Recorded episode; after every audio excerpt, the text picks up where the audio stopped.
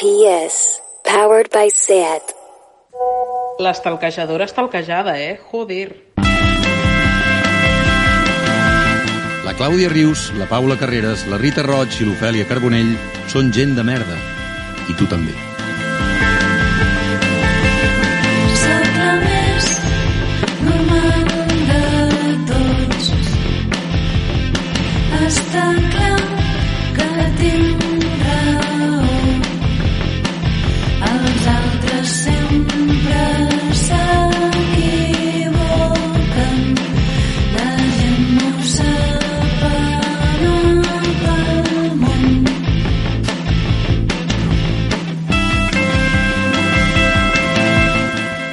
Paula, bon dia. Bon dia, Clàudia. Rita, bona tarda. Bona tarda. Ofèlia, bona nit. Bona nit. Bon dia, bona tarda, bona nit. Tant se val quan escolteu això perquè avui volem començar el programa amb una anècdota i és que arran de fer gent de merda ens han obert alguns nois per privat i ens ha fet molta gràcia que, explicant-nos entre nosaltres, hem vist que hi ha un fet en comú entre tots ells, un fil invisible que uneix els tios que per sort o per desgràcia ens troben interessants i és que tots tots és una mica una exageració, Però però, que- però direm tots, tots, perquè ens encanta exagerar. Tots tenen mínim una foto al seu Instagram ensenyant el seu cul. O sigui, literalment fotos d'estius amb el cul a l'aire i un primer pla de les seves natges, però és que a més, o sigui, ni tan sols és en plan sexy, sinó que és en plan foto que m'han fet els meus amics ensenyant el cul entremig de la muntanya per fer un jiji jaja.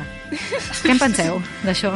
A mi em sembla increïble que, que hagi passat això, o sigui, que hi, ha, hi hagin hagut com 4 o 5 comentaris de 4 o 5 tios diferents que, que tinguin aquesta foto. O sigui, em Totalment. sembla com màgia. Jo crec que hauríem de normalitzar que els tios portin tanga, perquè així canalitzaríem tota aquesta energia de les fotos a Instagram amb el cul a l'aire i no, no ho hauríem de... Però tu També- pots portar tanga amb un penis? També- Bueno, segur que pots. Ja, la mítica de plats bruts. Home, sí. També Oh. el, Però és pitjor, no? bueno, no sé. el que hauríem de normalitzar és que els nois tenen moltes ganes d'ensenyar el seu cul, però bé, aquest és el tipus d'home... Una abraçada aquí, des d'aquí a tots els tios. Sabeu qui sou, no passa res. O sigui, no ens sembla ni bé ni malament, simplement sorprenent. Que... A- Aquest és el tipus d'home a qui gent de merda desperta pulsions sexuals, o sigui que relacionat amb això, avui la recomanació de la web de la Fundació.cat, la Casa dels Catalanoparlants a internet, és naturisme.cat, que és la pàgina web del Club Català de Naturisme, on aquests nois que ens escriuen hi trobaran platges on anar a fer nudisme, guies de com iniciar-se al naturisme, etc perquè puguin desenvolupar la seva tendència a tenir el cul a l'aire. Saps que hi ha un poble que és 100% Sí, naturista? i el un Fonoll. camping.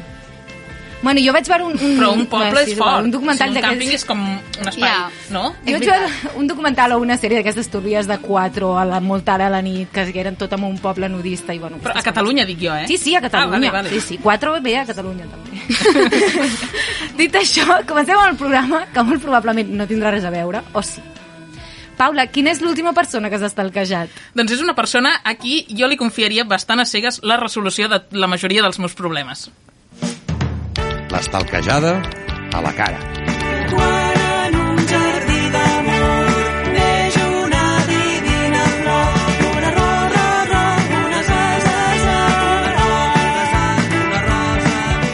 Carla Vall, què tal, com estàs? Molt bé, vosaltres? Una mica nerviosa per aquest moment. Pel tema, pel tema dels culs. No, aquest tema em té tranquil·la. No, és que mm, he dit això de que et confiaria la majoria dels meus problemes. Expliquem per què. Perquè tu ets advocada, ja, segurament hi ha molta gent que ja et conegui, um, però tu ets advocada uh, penal, es- especialitzada en dret penal, i sobretot en violència de gènere i en, en tema de dones i també de menors, oi?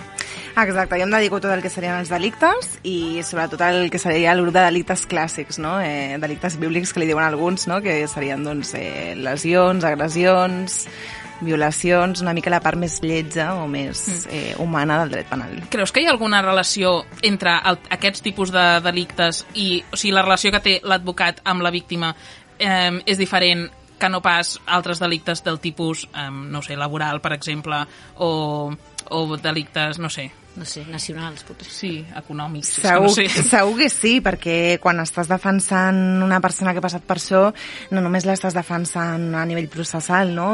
Estàs com intentant acompanyar-la en un procés que ha de servir per revertir també a nivell emocional la situació que, que ha viscut. Per revertir també molts, molts estigmes socials, no? De que quan t'ha passat alguna cosa t'ha passat per tota la vida i que has de fer-li saber que això és mentida. Ai, però llavors estàs com fins i tot fent una mica de psicòloga. Bé, per, per, això, per això fem moltes assignatures també de, de psicologia quan fem criminologia, no? Per exemple, a criminologia hi ha un fonament molt fort que, que és això, doncs, eh, tenir les mínimes nocions per fer contencions emocionals, per entendre per què els records es recorden d'una manera i no d'una altra, eh, per entendre doncs, per què hi ha buits en el discurs o per què van davant i endarrere, doncs, per intentar comprendre una mica les coses que socialment no es comprenen. És que jo crec que, um, clar, t'he stalkejat, i llavors, pel que he vist, um, fa la sensació que tens un component que jo personalment, bueno, no, la, realment no conec a gaires advocats, però uh, em fa la sensació que els advocats són com molt racionals, o com a mínim la imatge que tenim del dret és com de l'advocat en plan, anem a mm, llegir aquest, aquest codi i penal i anem a fer això, això, això. I en canvi tu tens, te- o sigui, crec que t'impliques emocionalment, no?, amb, amb, amb, les teva, amb els teus clients que al final són víctimes de- d'algun delicte que, que, Sí, que, que requereix això, precisament. És que no, no ho puc evitar tampoc. De vegades m'ho he preguntat, no? De, o ho he comentat amb, amb altres companyes de si és mm, de ser millor professional o pitjor professional, no? Eh, exposar aquesta vessant humana. Però parlant-ho també amb altres col·legues era com, és que el component humà és, és fonamental, no? O sigui, no pots ser mala persona i ser advocat, perquè llavors no sortirà bé, és, és incompatible amb la professió. Jo tinc un compromís social, eh, en aquest cas amb la igualtat de gènere, i penso que si no estigués eh, treballant també des d'aquí, segurament els resultats, eh, més enllà de si guanyo o perdo els judicis, no serien els mateixos. I tu creus que les dones, ara mateix, aquí a Catalunya, eh, ens podem sentir segures, emparades? A veure, jo crec que hem de ser conscients que estem en una situació de desigualtat, però penso que sí que ens hem de sentir segures, en el sentit de que eh, el risc no està tot arreu, no? perquè de vegades eh, tinc la sensació que estem vivint una mica com amb la societat del risc de bec, però amb clau de gènere, i que per tant estem eh, perdent espais de manera constant, i que tenim la paradoxa que els espais que habitem és l'espai públic, al carrer, i que en canvi les agressions les rebem a casa, no? Llavors, eh, com que no evitarem casa nostra, intentem no evitar el carrer, perquè és precisament l'espai més segur per nosaltres. Puc fer, puc fer una pregunta? Que és que és una cosa que de veritat que és que jo no dormiria, vale? del, del, de la, ah, del dubte que em crea, val? que és, nosaltres estem parlant, o, últim, o tu també parles molt, de com fer, de com fer com un dret que aconsegueixi doncs, això, acompanyar les dones, revertir una mica aquest masclisme que es troba també implícit en depèn de quines formes judicials, no? Però tot el nostre sistema judicial està basat en, en, en la... Ai, ara no em sortirà la paraula. Amb la... Ai, noies, ajudeu-me. No sé què estàs dient. La presumpció d'innocència? la pres... Gràcies, amb la presumpció d'innocència. I llavors és que jo em vaig discutir molt fort amb un amic per això, perquè era com... Clar, jo, jo li deia, no, és que el sistema judicial no funciona per la violència de gènere molts cops, arriba tard, el que sigui. I llavors ell em deia, no, però és que igualment, per sobre de tot hi ha la presumpció d'innocència, perquè si tu la perds amb, amb, quals, amb per exemple, amb, amb, amb, un, amb un judici home-dona, també el pots... O sigui, és com que crees el precedent de, de no fer servir la presumpció d'innocència sempre, i és com el, el, la punta de llança de que tots hem de poder ser innocents. Però alhora com demostra una dona que no té blaus, per exemple, de que aquell home l'està maltractant, saps? I llavors m'explota el cap amb aquestes coses. A veure, la, la presumpció d'innocència és un dels elements centrals, un dels pilars on se senta el, el dret penal, no només el nostre, a nivell eh, internacional. Llavors, el que hem de fer és aconseguir millors eines per demostrar que el testimoni que està eh, expressant la víctima en seu judicial té unes notes que es poden dotar, eh, diguéssim, de cientificitat, no? És a dir, que jo puc passar uns tests i que això és que corrobora doncs, eh, a nivell de testimoni que no s'està inventant, etc etc que no està eh, sent suggestionada i tal, i que a més a més les conseqüències que ha tingut per allò doncs, eh, són unes seqüeles a nivell psicològic encara que no les puguis veure existeixen no? com podrien ser per exemple l'estrès posttraumàtic tremolors, insomni ideacions, etc i que es poden diagnosticar igualment llavors penso que això també és un problema eh, de, de la societat de copsar que l'afectació emocional i mental que tenim les persones doncs també existeix no? i llavors això també es nega en seu judicial que és més difícil, sí, perquè estem acostumats a les evidències d'allò que podem Clar. veure amb els ulls, no? però, clar, tenim altres sentits. Jo penso que, que, que, que el que passa és que la institució judicial és com molt antiga, no? I Clar. està com molt assentada en un altre moment. És que clar, jo veig discursos um, feministes sobre, sobre el dret i, i penso, sí, és que a tope, saps? O sigui, òbviament que hem de poder dir que un home és un maltractador si ho és, però clar, llavors et trobes que davant de la llei ho has de demostrar i això, clar, ho fa tot més difícil i alhora no podem dir simplement aquest home és un maltractador per molt que ho sigui, saps? I, i, i, acaba sent tot molt difícil per la presumpció d'innocència que en realitat hi ha de ser, és que hi ha de ser. Mm. Perquè tu creus que la societat avança més ràpid que el dret? Segur, segur. O sigui, mm, el dret és, és la societat que era, no? Sempre. Un cop hem legislat és perquè d'alguna manera s'ha cristal·litzat un moment concret. I en canvi la criminologia el que fa és estudiar la societat que hauria de ser, no? Que és el que hem de modificar d'aquest dret per anar en un moment posterior. Jo que soc com molt de ferma imatge, sempre m'imagino com si escaléssim una muntanya, no? I estéssim una paret i llavors poséssim una marca per seguir escalant més amunt. Això és el que fa el dret, no? Cristal·litzar un moment per seguir endavant. El que passa que tot és una mica més complicat, no? I la realitat política la veiem no sempre eh, el progrés no? va acompanyant amb el mm. temps, sinó que també podem patir retrocessos de drets i per això hem d'estar molt atentes. Mm. Clar, és que, mm, bueno, no sé, o sigui, no sé en aquest cas qui hauria de, de canviar-ho, això, o sigui, no sé què s'hauria d'accelerar, quins processos s'haurien d'accelerar perquè pogués anar una mica més a la part, perquè entenc que l'ideal seria que an anés avançant tot en paral·lel, no? Vull dir, perquè al final, si tu, o sigui, si t'estan jutjant en un moment concret, el, el, que, el que val allà és, és el moment concret, no?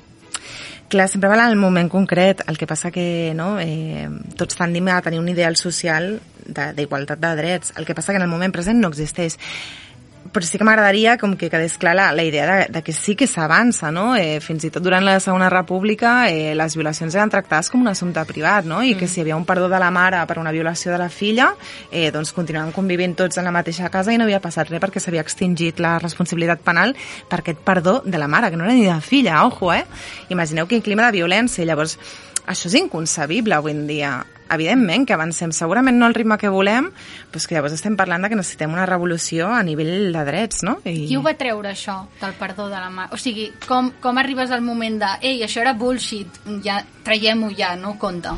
Uf, això era bullshit, doncs, a, a, tot ha sigut relativament fa poc, eh? Vull dir, l'evolució a nivell de, de, de, de violències sexuals és bastant dramàtica, perquè, a més a més, vull dir, jo crec que totes ens sonarà, doncs, eh, aquestes imatges icòniques de la Rambla de Barcelona, de jo també sóc adúltera, no?, mm. i del dret al propi cos, etc etc. Els anys 70. Exacte, hem tingut coses dramàtiques eh, amb Constitució aprovada i tot, no? I, de fet, avui en dia encara tenim una classificació que és bastant estranya a nivell de violències sexuals, no?, i en què estem parlant d'abusos i no amb una qualificació com més mm. lògica que seria d'agressions i una sèrie d'agreujants, per exemple, però pensar que abuses d'algú quan en realitat estàs eh, violant-la violant és que és inconcebible, no? sobretot en, el cas, en els casos de menors, perquè no et cal utilitzar la força i per tant sempre són abusos.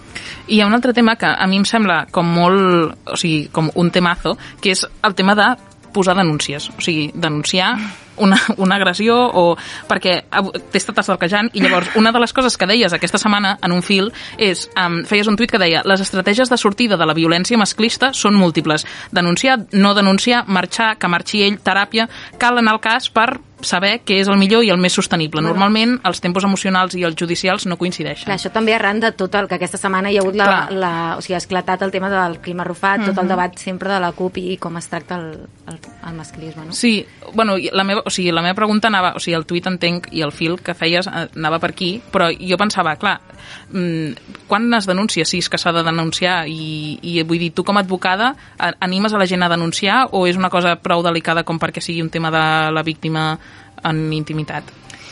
A veure, aquí concorren moltes coses, perquè és que, clar, a mi em fa molta ràbia quan la gent diu no denuncis perquè serà una merda per el sistema judicial, ho és, no? I és com, segurament sí, però t'has plantejat que potser aquesta persona l'única sortida que té per la seva seguretat és aquesta? Vull dir, també amb quina lleugeresa la gent parla malament del sistema judicial i parla de revictimització parlant de la seva pròpia experiència i és com, m'agradaria dir-li a tothom que la seva experiència no és universal, no? i que depèn de múltiples factors. Llavors, sobretot en les dones que estan més desprotegides, normalment l'única sortida que tenen és el sistema judicial, perquè no tenen una xarxa que les empari, que les protegeixi, no? que els hi doni doncs, l'estatus de víctima, etc etc.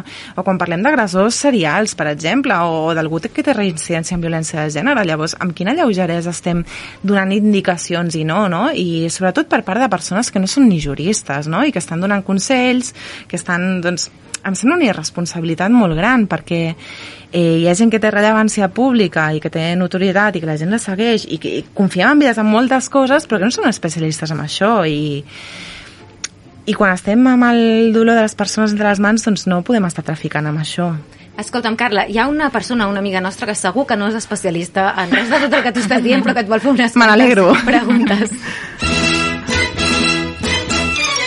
Remena, Filomena. Remena.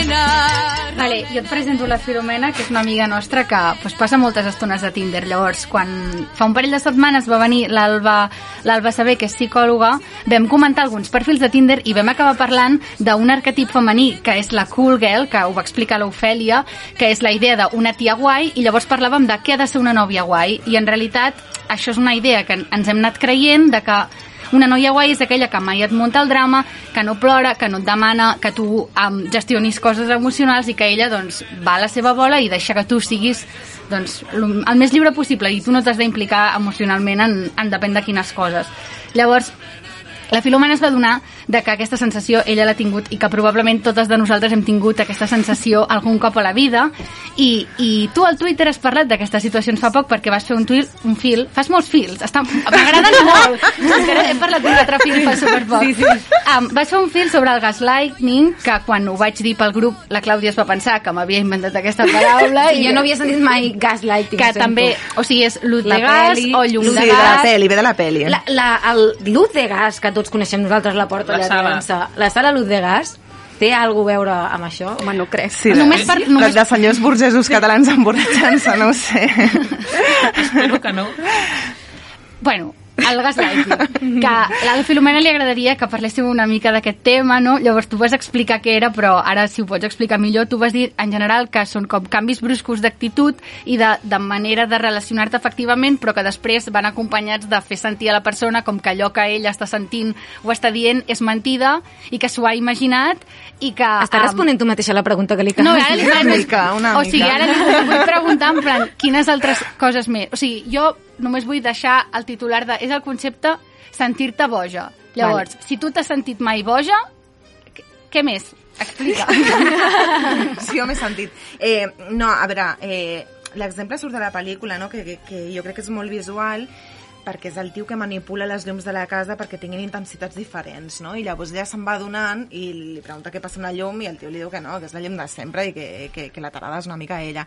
I clar, això moltes vegades ens hi trobem doncs, a nivell afectiu, no? Que, que ella es pregunta pues, què està passant o, o què és aquest canvi de situació o que em vas dir això i que no em vas dir allò i, i que ell diu, no, no, jo mai t'he dit això, això t'ho has inventat tu o ho has d'entendre malament, no? I llavors, doncs, eh, la víctima d'aquesta situació, al final ja acaba, no podem distingir el que és real del que no, perquè no pot confiar en les seves percepcions ni en la seva memòria. Mm. Llavors, clar, estem en una situació eh, que genera molt malestar i que, a més, en moltes eh, d'aquests d'aquests casos no arriba tampoc a un llindar penal i, per tant, no podem abordar des, de, des del món del dret. Clar, perquè Una en cosa, quin moment... jo no sé si algú dels nostres oients i tota la pesca mirarà Isla de les Tentaciones, jo sí. I estan fent un gaslighting No saps, que flipes a la que sí. Melissa. O sigui, el qui m'estigui mirant ho entendrà. Una tia que la fan... O sigui, que el tio li fot les banyes tota l'estona, però ho dissimula tota l'estona, i la tia tota l'estona està dient és que jo sé que tengo que controlar mis celos, és que jo estoy loca, i és en plan, no, tia, és que tens tota la raó del món. És Això té normal a veure que- amb la síndrome de la dona maltractada, oi que existeix això en el dret? A veure, no existeix el, pròpiament el síndrome de dona maltractada, jo crec que és un mal nom del cicle de les violències. No? El cicle de les violències és eh, doncs, l'acumulació de tensió, vale? de com petites situacions que podrien començar, per exemple, amb això del gaslighting, eh, fins que es desemboca en un esclat d'aquesta tensió i es produeix una agressió, no? algo com bastant més evident. Llavors, s'inicia el que es diu la fase del perdó, vale? eh, què ell diu, pues no tornarà a passar, eh, mm. que se, m'ha la olla, que de veritat, que jo no sóc així, etc etc.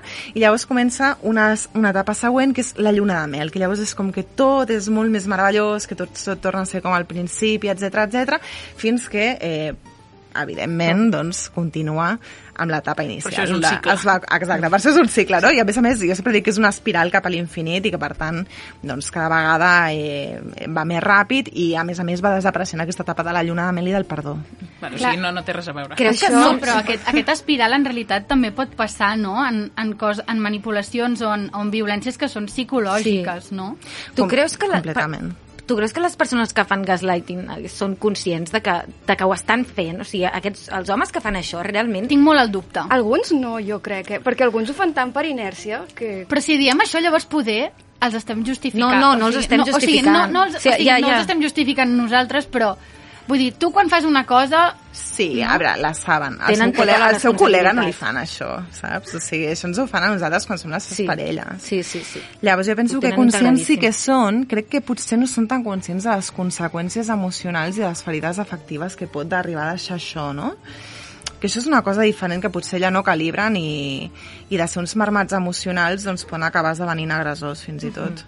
És a dir, que ells ho fan per sortir del pas en un moment, no? Per no haver de demanar perdó. Sí, així, igual però pensen que és una mentida piadosa i fins que hi ha una bossa gegant de mentides piadoses i l'altra està preguntant-se si està boja. Tio, I ho això- fan perquè els serveix i, i, o sigui, és com que nosaltres eh, ens hem de responsabilitat de tot al segon zero, en plan, estàs boja, pensa-ho 30.000 cops, dona-hi 30.000 voltes, i en canvi um, el, el tio que fa gaslighting és en plan, bueno, pues, mm, en funció no seguiré fent, no ho he pensat mai, no, no sé què. No, tio, pues pares, te'n responsabilitzes dels teus actes des del segon zero i calles. És que jo crec que té a veure amb això de que el- els homes sempre es pensen que ells tenen l'objectivitat i la veritat absoluta per sobre de tot i que quan senten alguna cosa per ells és ciència. Jo sento aquesta cosa, per tant és veritat.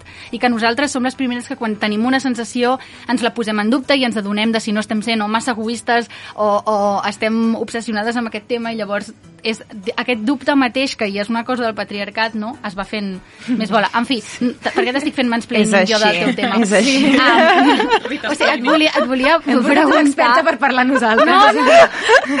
O sigui, jo Et vull preguntar en quin Cària. moment arribes al llindar legal. En, en, amb la violència psicològica que realment costa molt més de veure i ja hem dit abans que la física també costa de, de justificar. Sí. O quan és violència o quan és un delicte? Clar, arribaria a ser delicte quan la, la, primer, que l'afectació eh, té una gravetat suficient com per tenir una, una marca psicològica, no? ja sigui depressió, estrès posttraumàtic, etc. Eh, I a més a més que es perllonguin el temps, no? que no, no s'hi val que sigui un capítol puntual, per llavors estarem parlant, parlant d'algun algun delicte le- lleu d'injúries o alguna història així, però en canvi el delicte de maltractament a nivell psicològic doncs, tindria una profunditat que és com molt més àmplia. Igualment és molt complicat de, de demostrar i, i, i la veritat que, que moltes vegades doncs, quan tenim bases a nivell de missatges, mails, històries d'aquestes o gravacions fins i tot, doncs llavors sí que podem arribar-ho a demostrar. Escolta'm una cosa, Carla, entenc que bona part de la teva feina és prendre decisions i ara te'n farem prendre unes quantes, però de merda. Decisions de merda. Model cotxe amb Val, jo abans de començar et volia preguntar, perquè tu mm, portes casos de dones, però també menors i això, i jo volia parlar d'un tema que a mi em preocupa una mica, que és el maltractament en relacions de gent molt jove, o fins i tot adolescents, que, que sé que n'hi ha, però crec que em dóna la sensació que a vegades són els que menys ens adonem, si ho han viscut o els que ho estan vivint ara, no s'adonen que això és maltractament. I crec que part de la culpa té el que veiem a les pantalles i el que quan tenim 15 anys ens creiem que és un ideal d'amor romàntic. Llavors, jo he... Clar, jo sé que nosaltres ja som una mica d'una altra generació, ja som més millennials que generació Z, o sigui, nosaltres tenim uns referents que potser no són els d'ara, que és com quan jo, me'n recordo el diari de Noah, que el diari de Noah, o sigui, el tio... Una puta es penja- merda de pel·li. Totalment. Oh, sí, però el tio, per demanar-li una cita a la noia, es penja i diu, si no, Sí, sí. si no surts amb mi em mataré. Això és molt lleig. Llavors... No, és selecció natural, és selecció natural. Que ràpid que s'hagués acabat la pel·li, si la noia... Exacte. Sí, però jo penso, jo pensava, si dius que no, o, o no dius res, quan aguanta el tio allà penjat? Ja. Perquè ganes de suïcidar-te no tens, eh? El que haguessis hagut de fer és deixar-lo allà molta És estona pensant fins que hagi de baixar ell sol de la, de la nòria amb tota, amb tota la, la humiliació que això suposa que has dit que et suïcidaries, però no vols, i ja estàs igual, perdó. bueno, doncs això, el diari de Noah, Crepúsculo, que ja n'hem parlat algun cop, no en parlem més perquè algú ens va fer bronca per parlar massa Crepúsculo. Eh, Gossip Girl, que és... Segur que tenia una foto de cul al seu Instagram. Gossip Girl, que no sé si l'heu vist, Sí, per però favor, una de quina les, meravella. dels romansos més com celebrats resulta el, person el, el noi, que és la parella, l'heroi romàntic, només en el capítol pilot intenta violar dues noies Sí, sí, i en una temporada, la quarta, crec com que canvia, intercanvia la seva nòvia per un hotel. I És que, sí, com- fas una bueno, revisió de, de Gossip No, Girl, no és fatal. pots. És, no, no es pot. No pots, no, ho vaig intentar no fa gaire, i vaig, però, però com, sí, sí, però com sí, sí, mires ens agradava. I és que és És fora, una eh? merda anar amb les ulleres feministes. sí. Sí, no. És però clar, fort. nosaltres ho veiem i pensàvem que era com... Ai, quin noi... Tant de bo algun noi sigui així d'intens amb mi algun dia i després et passen canvi per un coses... hotel. Quin horror, quin horror. Sí, val. Llavors jo, exclusivament pel programa i per res més, m'he posat a mirar contingut adolescent actual. I he triat tres coses que es fan avui en dia i vull veure si, a veure, entre totes decidim si passen el test, si passen el nostre seal of approval. Vinga, va, som-hi. Vale. Un és The Kissing Booth, crec que en castellà es diu Mi primer beso.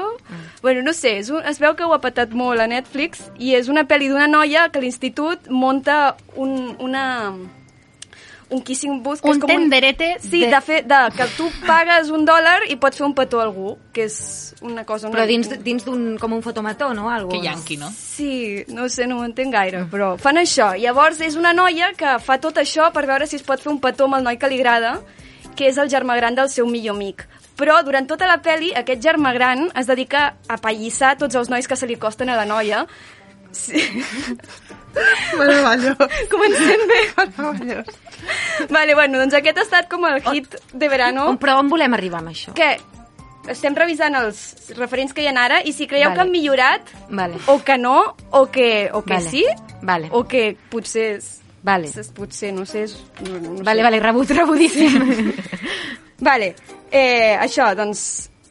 Aquesta, no l'heu vist. No, No l'hem vist. No l'hem vist. Vale. No, clar, No, jo però- penso que des de però- la perspectiva que tu ho estàs explicant, ja estàs ficant el focus amb les coses Sí. problemàtiques, Però també fa- crec que jo m'ho tragaria. Ho fa als 15 minuts d'haver començat la pel·li, això, la primera batussa. Vull dir, no és... Lo de la Nòria passa com al segon dos Sí, del diari vale. de Noa, també, i estàs allà i dius, bueno... Sí, que no m'ha avançat. Vale. No, eh, és horrorós, però, però mm, això, són americà, és americana, aquesta... Sí, sí, bueno, com les, moltes coses que consumim. Però els diners Sí. que paguen pel beso, almenys, van Crec- a, a la caritat o alguna cosa. No, crec que van a, van, a, van a, al baile de primavera. No sé. Bueno, jo què sé. Però és que, que sigui americà és que és igual, o sigui, no, no podem, saps? No, no, dir, però com bueno, els yanquis. estereotips... No, en realitat no. és que és No, igual. no, òbviament, òbviament, però vull dir, com els estereotips de l'Institut Americà, que cap de nosaltres ha viscut mai, ni tenint taquilla, va, passes una vida universitària com aquesta, vull dir, és que no... Bueno, que no passa. Taquilla. Vale.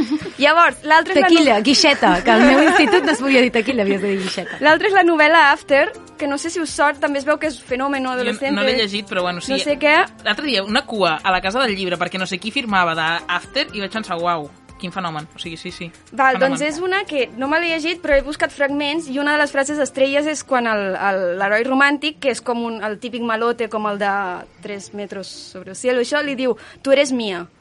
I jo pensava que això ho tenim superat. Però una cosa, això no és el que posa aquí... Bueno, però això no sabia si em donaria temps de llegir-ho. Aviam, un altre fragment. Llegeixi, llegeixi? sí. Sí, et dona temps. Vale, doncs això és un fragment que vam pen... vaig veure a Twitter d'algú que ho va penjar, arroba Marta Cava. Algú, la bibliotecària de Catalunya. Sí, que diu... Que el llibre està escrit i diu Se coloca entre mis piernas. Dice, ¿sabías que el clítoris de la mujer está creado solo para el placer? No tiene otra función. Me informa presionándolo con el pulgar. Clitoris, clitoris planning. si tu creus que estàs allà i t'han d'explicar. Bueno, és un, tio, és un tio que és menys que un Satisfyer. Sí, però després... Tu te l'has això- llegit? No, clar que no. Ah, vale. Pues m'heu tret de Millennial avui. O sigui, m'he posat 10 anys a sobre. Però jo pensava, perquè jo he vist com que internet sembla que les noies cada cop més joves i a les manifestacions del 8M cada cop van més noies i més joves, jo pensava, pues, jolín, que guai, que estan canviant les coses, però jo em pregunto, segueix havent-hi tants com problemes amb el tractament amb gent jove? Tu veus molts casos? Sí, en veiem molts, però també perquè abans no es denunciaven mai.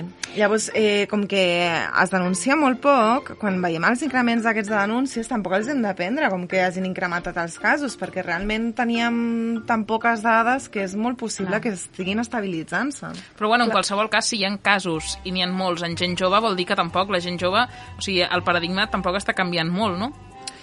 A veure, jo crec que sí que està canviant i, i, i que cada cop elles toleren menys. Vale? O sigui, això és un... Vale, però és, està és- canviant en elles, no en Està- ells. Que, clar, que, clar. Home, jo crec que sí que tothom va avançant, eh? A poc a poc. Clar, el que passa que no avança al, al ritme que necessitem, no? O sigui, tenim una sola vida i per tant elles necessiten que sigui ja, nosaltres necessitem Mm. que sigui ja. Llavors, clar, eh, aquestes conductes són presents, però és que també és culpa nostra, eh? Com a persones més adultes, vull dir, nosaltres estem transmetent això que ells no ho estan portant del no-res, ho estan agafant de la societat en la que diuen on també estem nosaltres, que tampoc no m'agradaria ser injusta amb els més joves. com abans hem dit que la societat avança més ràpid que el dret, sembla que també avança més ràpid que els guions i les produccions. Sí, sí. Segur que sí. I no sé, és que em feia pensar perquè també com hi ha moltes coses que jo veia en amigues meves que ara recordo o que veia en mi relacions meves que potser me n'he donat 10 anys després de que això no estava bé i ningú en el seu moment em va explicar escolta, això no és, això no és normal, això és tòxic, això no ho has de... Sí, sí, Home, que sí que- violència n'hi ha de molts tipus. Jo sí que tinc la fe que avui en dia la gent jove és més conscient d'això que mai, del que nosaltres érem, i tampoc això han passat segur. tants anys, o sigui, això és seguríssim. Sí. Se- Segur que sí, a més, a nivell d'intensitat, o sigui, jo crec que elles, coses que nosaltres haguéssim dit va, calla, elles munten un pollastre. I ben fet, sí, sí. Saps? Vull dir que això sí que ha canviat segur. Nosaltres ens feia cosa dir del plan, pues, què m'estàs dient o el que sigui, sí, i elles estan disposades a arribar fins al final. I tampoc ha passat tant temps, o sigui, No. que, No, no, 10 clar. anys, des de que nosaltres érem joves, joves, fins que... Home, no? està clar que hi ha hagut una, clar, no, no com una revolució, perquè sí que és veritat que ja hi havia moltes dones que fa moltíssims anys que ja estan eh, doncs, batallant per això, però sí que aquests últims anys ha explotat. Almenys al nostre país, és que també de vegades, bueno, no sé, mm, Bueno, és que hem tingut capítols molt importants, no?, a nivell de Sí. violència sexual, per exemple. O sigui, jo encara soc de la generació que recorda les nenes d'Alcàcer i recorda que estaven mirant Toni Desiré com si fos una cantarella per aquest ordre i no cap altre, no? Perquè vam assumir que el risc d'estar al carrer doncs, eh, implicava que et pogués passar el que els hi va passar a elles. I això va durar moltes generacions. Carla, hem d'acabar el programa, però acabem amb un missatge positiu, per favor. Missatge positiu, que ens en sortim segur. O sigui, estic super convençuda de que el que estem parlant ara serà increïble d'aquí uns quants anys. Molt bé. Moltes gràcies per venir.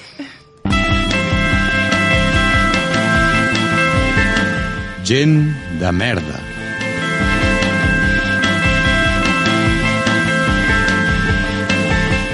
Aquestes que sonen són la Rombo. Nosaltres som la Paula Carreras, la Rita Roig, l'Ofèlia Carbonell i la Clàudia Rius. I som gent de merda gràcies a la inestimable ajuda de l'Andrei Ignat i el Nacho Medina, que fan que tot soni i es vegi bé. La Clàudia Torrents, que ens ha fet aquest logo tan guai, i el David Caravent, la veu més sexy de Catalunya. La setmana que ve més. Adéu, noies. Adéu. Adéu.